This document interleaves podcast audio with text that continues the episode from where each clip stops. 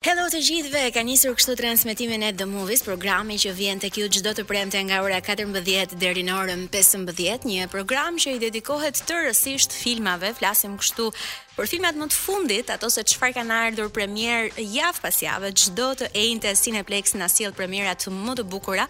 Edhe sigurisht që kemi shumë për të folur edhe sot, ndonëse kemi vetëm një premierë ditën e sotme, ndërkohë që shumë të tjera na presin edhe në javët në vijim. jo vetëm kaq, por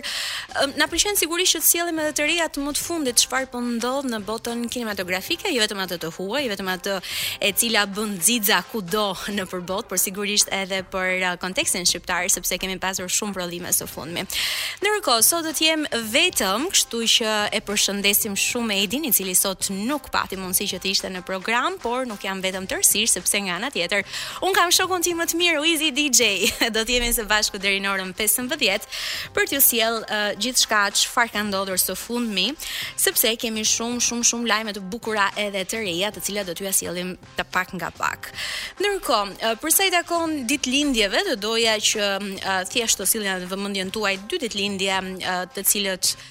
i festojnë aktorët Elijah Wood, i cili është sot plot 40 vjeç, i njohur për rolet e tij në Lord of the Rings në trilogjinë,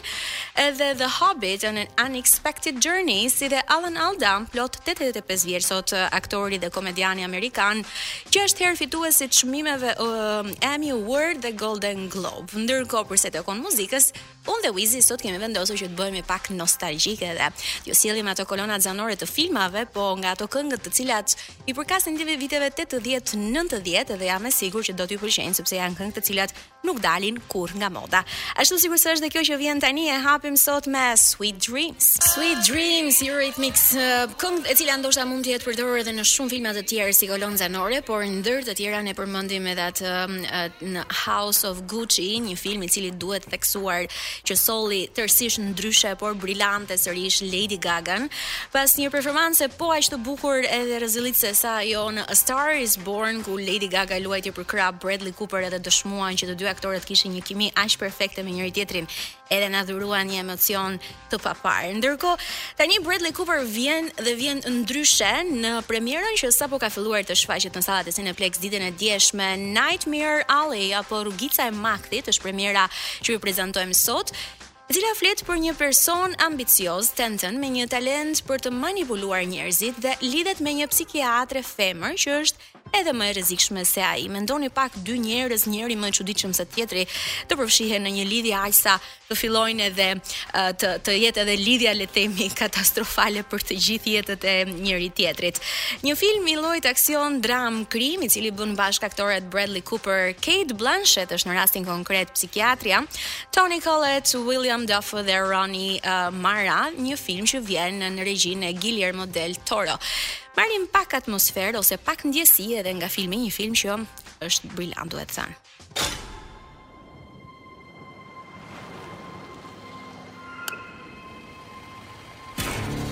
I will ask you simple questions. You will answer in short sentences only what you believe to be absolute truth. Absolute truth.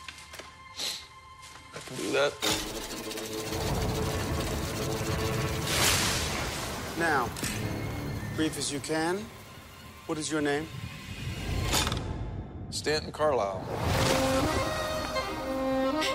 Dhe traileri është gjithmonë ai që na ngacmon, të paktën mua më ka ngacmuar shumë, kështu që në momentin e parë që do të kem mundësi, menjëherë do të drejtohem Cineplexx për ta parë sepse mm, është ndër ato filma pa klasik, po ndërkohë edhe krim, aksion, dramë, sidomos kur bëhet fjalë për dy aktorët Bradley Cooper dhe Cate Blanchett, sigurisht që japin edhe premtojnë shumë. Ndërkohë dua t'ju flas pak tani për regjisorin Guillermo del Toro, sepse me sa duket tani në këtë film Nightmare Alley ka ardhur paksa ndryshe sepse në fakt e gjithë karriera e tij është ndërtuar përreth një bote fantastike me krijesa jashtëtokësore, të cilën vetë regjizori ka thënë se e ka ndërtuar që herët që në fëmijëri teksa ai ka qenë 11 vjeç. Meksikani i cili fitoi çmimin e tij të parë Oscar në 2018 me romancën fantashkencore fantashkencore The Shape of Water është i njohur për përbindsha, vampirë, superheronj um, e kri, krijesa të tilla të ngjashme dhe me sa duket këto filma i kanë dhënë atij një mantel plot me çmime përfshirë ndër të tjera edhe Golden Globes. I gjithë suksesi i tij ka dalë nga eksperienca e djaloshit të rritur në Guadalajara që dashuronte eksplorimin dhe ishte i magjepsur nga magjia e zezë dhe kishte një njeri ujk për kafshë të preferuar. Mirë, me sa duket, le të themi i gjithë ai pasioni për për këtë botë e ka frymëzuar atë që të sjellë filma të këtij lloji, mbaj mend që për filmin The Shape of Water ka pasur edhe shumë polemika, pati edhe akuza që filmi mund të ishte plagjiaturë, por në fund autoritetet pranuan edhe vërtetuan që versioni nuk është plagjiaturë. Ndërkohë, në këtë film vjen tërësisht ndryshe, ne ju ftojmë që të shkoni në sallat e Cineplexx për ta parë, ndërkohë Cineplexx po shfaq edhe shumë filma të tjerë, të cilët mund t'i shikoni në aplikacionin e përmirësuar Cineplexx AL. Ku shikoni të gjithë listën së bashku me oraret, por edhe mund të rezervoni apo të blini biletën tuaj nëpërmjet aplikacionit thjesht me një klik nëpërmjet kartës tuaj bankare. Por gjithashtu mund të vizitoni edhe website-in zyrtar të Cineplex, gjithashtu pse jo mund të edhe të abonoheni, sepse website-i i Cineplex ju ofron mundësinë që të abonoheni edhe të merrni të gjitha njoftimet për premierat më të fundit nëpërmjet emailit tuaj ashtu sikurse i marr dhe unë çdo ditë të enjte. Kemi publicitet tani, pas pak jemi sërish bashkë. Unë nuk e di se si e bëni ju për zgjedhjen e filmave që shikoni ndonjë ditë të javës ndoshta ose në fundjavë, por unë personalisht në fakt nisem shumë edhe nga gjendja shpirtërore ose nga datat e rëndësishme. Edhe sigurisht dje ishte data 27 janar, ditë që përkon me Holocaust Memorial Day ose dita memoriale e viktimave të Holocaustit, ditën kur e gjithë bota Kujton viktimat e Holokaustit ku mbetën të vrarë edhe 6 milionë hebrenj. Janë mbushur plot 77 vite nga çlirimi i kampit të Auschwitz-Birkenau, i njohur ndryshe si kampi i vdekjes të nazistëve në Poloni. Dhe sigurisht një datë si kjo mund të shërbejë edhe si një mm, nismë për të parë filma të cilët kanë si tematikë pikërisht këtë gjë. Unë bëra një gjë të tillë në fakt mbrëmjen e kaluar nisa të shikoj Schindler's List, një film i cili në fakt është dhe i gjatë, është rreth 3 orë e 15 minuta, megjithatë, duke qenë se kërkon edhe vëmendje të gjatë, të të të madhe le të themi, kam vendosur që ta shikoj pjesë-pjesë, duke parë çdo skenë me shumë vëmendje për të kuptuar sa më shumë. Ndërkohë po ju sjell tani disa filma apo seriale që rrëfejnë histori rrëqethëse dhe çnjerëzore që kanë ndodhur brenda kampit fatkeq. The Pianist, filmi i vitit 2002 i bazuar në librin autobiografik me të njëjtin titull, tregon për jetën dhe kujtimet e një pianisti polak hebre i cili i shpëtoi Holokaustit. La vita e bella, një dramë-komedi italiane e vitit një mijë e nëntëqind e nëntëdhjetë e shtatë me skenar dhe pjesëmarrje të Roberto Beninit, La vita e bella tregon për rrugëtimin e një familjeje që përballet me internimin në kampet e përqendrimit të nazistëve. E gjithë historia shihet nga sytë e një voglushi dhe përpjekjet e të atit për t'i zbukuruar realitetin horror që iu desh të përjetonte që herët. Schindler's List, një dramë historike e një mijë e nëntëqind e nëntëdhjetë e treshit, një film bardhezi me regji të Steven Spielberg. Filmi flet për Oskar Schindler, gjermanin që shpëtoi me mijëra refugjatë hebre polakë nga Holokausti, duke i punësuar në fabrikat e tij gjatë luftës së dytë botërore. The Boy in the Striped Pajamas, Bruno është djali tetë vjeçar i komandantit të kampit të përqendrimit gjatë Luftës së Dytë Botërore. Rastësisht takon moshatarin e tij hebre përtej gardhit të kampit dhe mes tyre lind një miqësi e pastër. Çfarë nuk dinte voglushi ishin pasojat e kësaj miqësie, prej të cilave nuk mund të shpëtonte.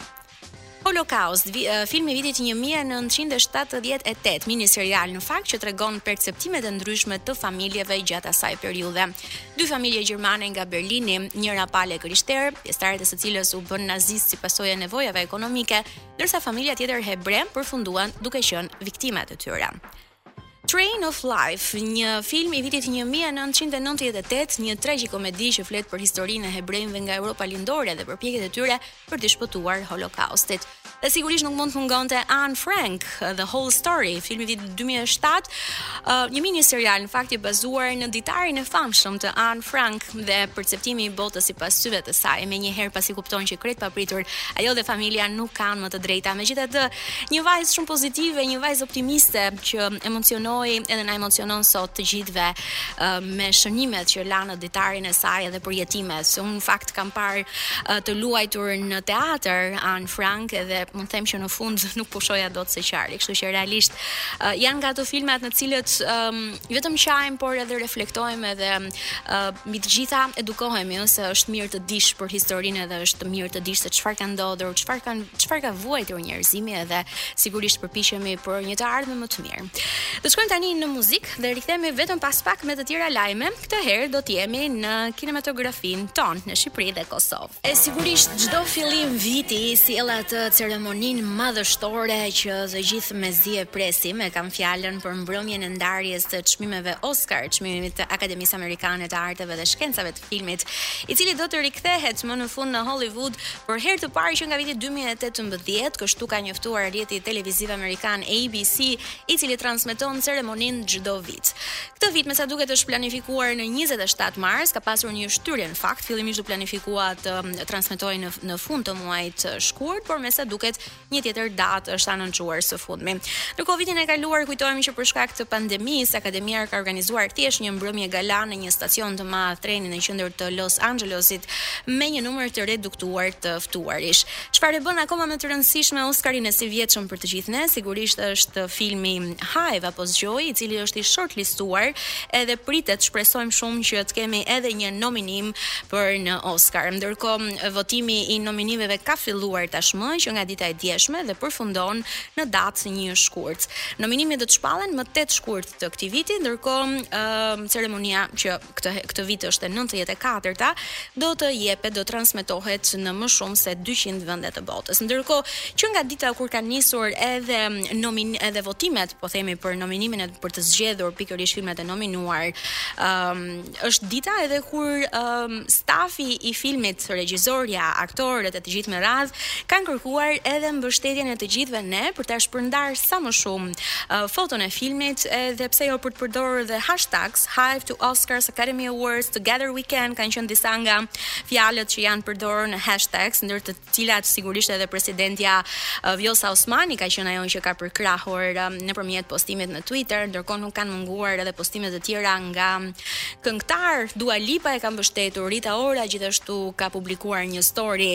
E ndërkohë shumë e shumë këngëtar, uh, aktorë, shumë artistë uh, nga Shqipëria dhe nga Kosova po ashtu kanë përkrahur uh, le të themi uh, të gjithë stafin nëpërmjet një posti, i cili me sa duket ë uh, sigurisht që na ka rizgjuar edhe një herë ato emocionet edhe jemi të gjithë gati sy e vesh për të pritur pse jo një nominim, në fakt është një film vërtet mjaft interesant i cili ia vlen, ia vlen për t'i treguar të gjithë botës se jo vetëm kush janë femrat, por edhe se çfarë kaloi Kosova dhe sigurisht historinë e vërtetë të Fahrije Hotit dhe se si ajo ia doli mbanë pavarësisht rrethanave mjaft të vështira për të. Ndërkohë Jasmila Zhbaniç, regjizorja e Quo Vadis, gjithashtu ka folur për filmin Zgjoi, duke theksuar që bukuria dhe forca e këtij filmi qëndron në të gjithë ekipin. Bukuria dhe forca e këtij filmi qëndron në faktin se regjizorja dhe gjithë ekipi, aktorët mundësuan që të shohim atë që nuk duket edhe të papërshkrueshmen. Sikurse një koshere i gjithë filmi vibron tek ju, pak kohë pasi ju ta shihni atë dhe kjo është më se e provuar në fakt unë e kam parë filmin edhe ende herë pas here teksa kujtoj apo teksa dëgjoj edhe lexoj lajme rreth filmit, sigurisht që kam në mendje skena nga filmi edhe kam në mendje të gjithë atë le të themi atë emocionin që të përçon edhe mesazhin që përçon i gjithë filmi. Kështu që deri në datën 1 shkurt jemi gjithë emocione, sigurisht uh, duhet ta mbështesim sa më shumë duke i bërë share, duke e shpërndarë fotografinë e filmit dhe pse jo të përdorni dhe hashtags një formë mbështetje kështu edhe një formë krenarie sigurisht se jemi mjaft krenarë që të shohim um, Zgjoin apo Hive të nominuar, pse jo, edhe me një çmim Oscar. Sigurisht kjo do ishte më e bukura e gjithë saj. Mirë, um, tani do të shkojmë në publicitet dhe jemi vetëm pas pak, nuk kemi mbaruar, ka shumë thashetheme, bota e kinemas nuk mbaron kurrë nga lajmet, nga thashethemet, edhe sigurisht edhe nga shifrat financiare, të cilat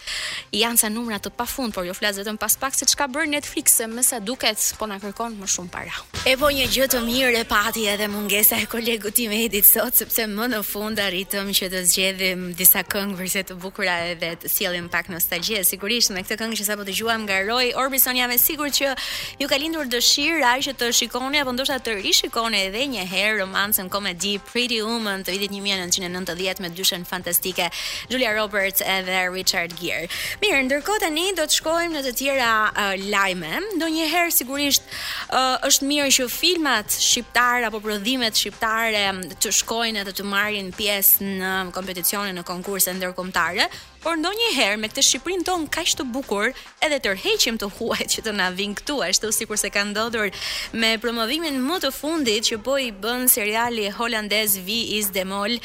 me sa duket ka arritur shifra rekord të audiencës. Është një ndër spektaklet më të famshëm në Holandë dhe kishin zgjedhur pikërisht Shqipërinë si shesh xhirimi. Dhe në episodet e para kanë arritur shifra rekord të audiencës. Ka qenë ministrja e Kulturës në Shqipëri, Elva Margariti, e cila ka shkruar në llogarinë e saj zyrtare se kjo është padyshim um, është mënyra le të themi më e mirë për të promovuar perfekt vendin tonë. Në katër episodet e para është arritur një numër rekord i audiencës, ndërkohë që shihet se Shqipëria ka ngjallur një kuriozitet të jashtëzakonshëm te publiku edhe me siguri Rezultatet do t'i shohim gjatë sezonit turistik. Ka shtuar në fund kështu ministrja e sigurt. Në fakt, ë um, gjë e mirë është që shfaqemi sa më shumë, por së fundmi vitet e fundit kanë qenë edhe shumë portale të huaja të cilat kanë shkruar për uh, bukuritë e Shqipërisë dhe me të drejtë se kemi një vend me pamje edhe me destinacione fantastike që të lënë pa frymë, kështu që le të themi është një ë uh, le të themi shfaqje tërësisht e merituar edhe ajo që uh, Shqipëria ka bërë tashmë në këtë serial shumë të shikuar e shumë të ndjekur në Holandë, Wie is de Mol. Ndërkohë, uh, ishte njoftuar që këtë vit do kishim një seri të re të Mission Impossible, por me sa duket pjesa e 7 dhe e 8 e filmit Mission Impossible me Tom Cruise është shtyrë sërish deri në vitin dy mijë e njëzet e tre dhe dy mijë e njëzet e katër për shkak të pandemisë Covid. Kështu të paktën kanë thënë producentët e Paramount Pictures dhe Skydance në një deklaratë të lëshuar së fundmi. Në fakt, kjo pjesa apo ky justifikimi për shkak të pandemisë tani sikur nuk merr shumë kuptim apo nuk është se është shumë ëm um, le të themi nuk është dhe aq e pranuar si si si justifikim, sepse me sa duket ëm um, kinematografia dalëngadalë ka filluar të dalë nga ai ngërçi edhe nga ato ëm um, le të themi të gjitha um, vështirësitë që solli pandemia në prodhime, në shfaqje të gjitha me radhë, por me sa duket Për sa kohë që kemi ende pandemi vërdallë, për sa kohë që kemi ende masa të ndërmarra nga qeveritë e të gjitha vendeve për të parandaluar përhapjen edhe për të parandaluar infektimin, sigurisht që industritë preken nga kjo gjë ashtu sikurse edhe industria e kinematografisë. Mission Impossible 7 ishte planifikuar të debutonte në kinema në shtator të vitit 2022, e ndjekur nga Mission Impossible 8 në vitin 2023. Tani kemi data të reja. Katërmbëdhjetë korrik dy mijë e njëzet e tre për pjesën e shtatë dhe njëzet e tetë qershor dy mijë e njëzet e katër për filmin e tetë të serisë. Pas shqyrtimit të kujdesshëm, Paramount Pictures dhe Skydance kanë vendosur të shtyjnë datat e publikimit për Mission Impossible në përgjigje të vonesave për shkak të pandemisë në vazhdim. Kështu ka thënë kompania. Mirë, të presim. Ndërkohë ishim entuziazmuar në fakt të gjithë fansat e filmit mezi po e prisnim edhe edhe ne e kishim listuar në ato filmat që mezi i presim të na vijnë këtë vit, nga nga ato filmat big që vërtet tërheqin shumë edhe mbushin sallat e kinemave plot, megjithatë do na duhet të presim sërish e sigurisht Për filma të bukur ia vlen të presim. Vetëm pas pak ju flas për Netflix edhe për rritjen që i ka bërë çmimeve të abonimeve mujore, por jo këtu. Ende Europa nuk e ka kapur ende. Të paktën kjo rritje ka ardhur së pari në Shtetet e Bashkuara të Amerikës dhe në Kanada, po vetëm pas pak. Ju bëj një analizë